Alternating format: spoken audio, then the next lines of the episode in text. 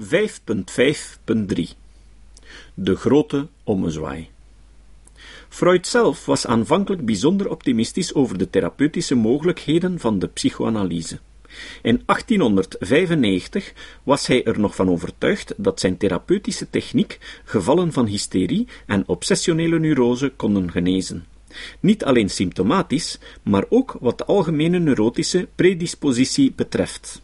Later in zijn carrière temperde hij zijn optimisme om op het einde van zijn leven uiteindelijk vrij expliciet toe te geven dat zijn therapeutische methode een fiasco was geweest.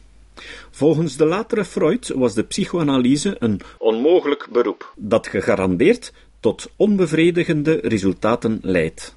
Maar bleef de psychoanalytische theorie nog steeds overeind.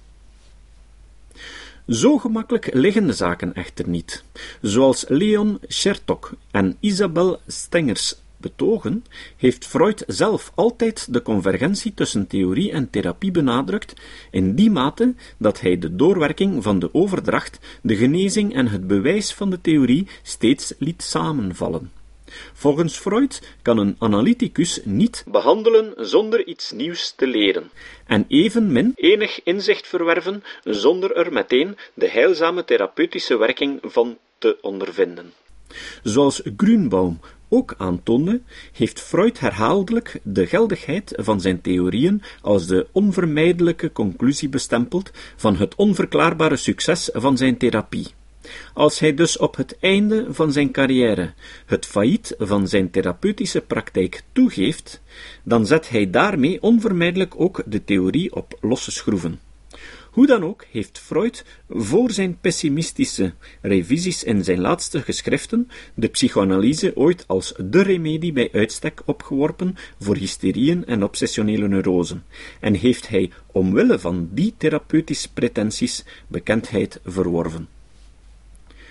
Wanneer de psychoanalytici van hierboven het zelfverklaarde fiasco van Freud proberen te buigen in een ultieme triomf door te beweren dat de psychoanalyse groots is omdat ze niet pretendeert te genezen, dan zijn ze met een betrekkelijk radicale omzwaai bezig van hun beweging.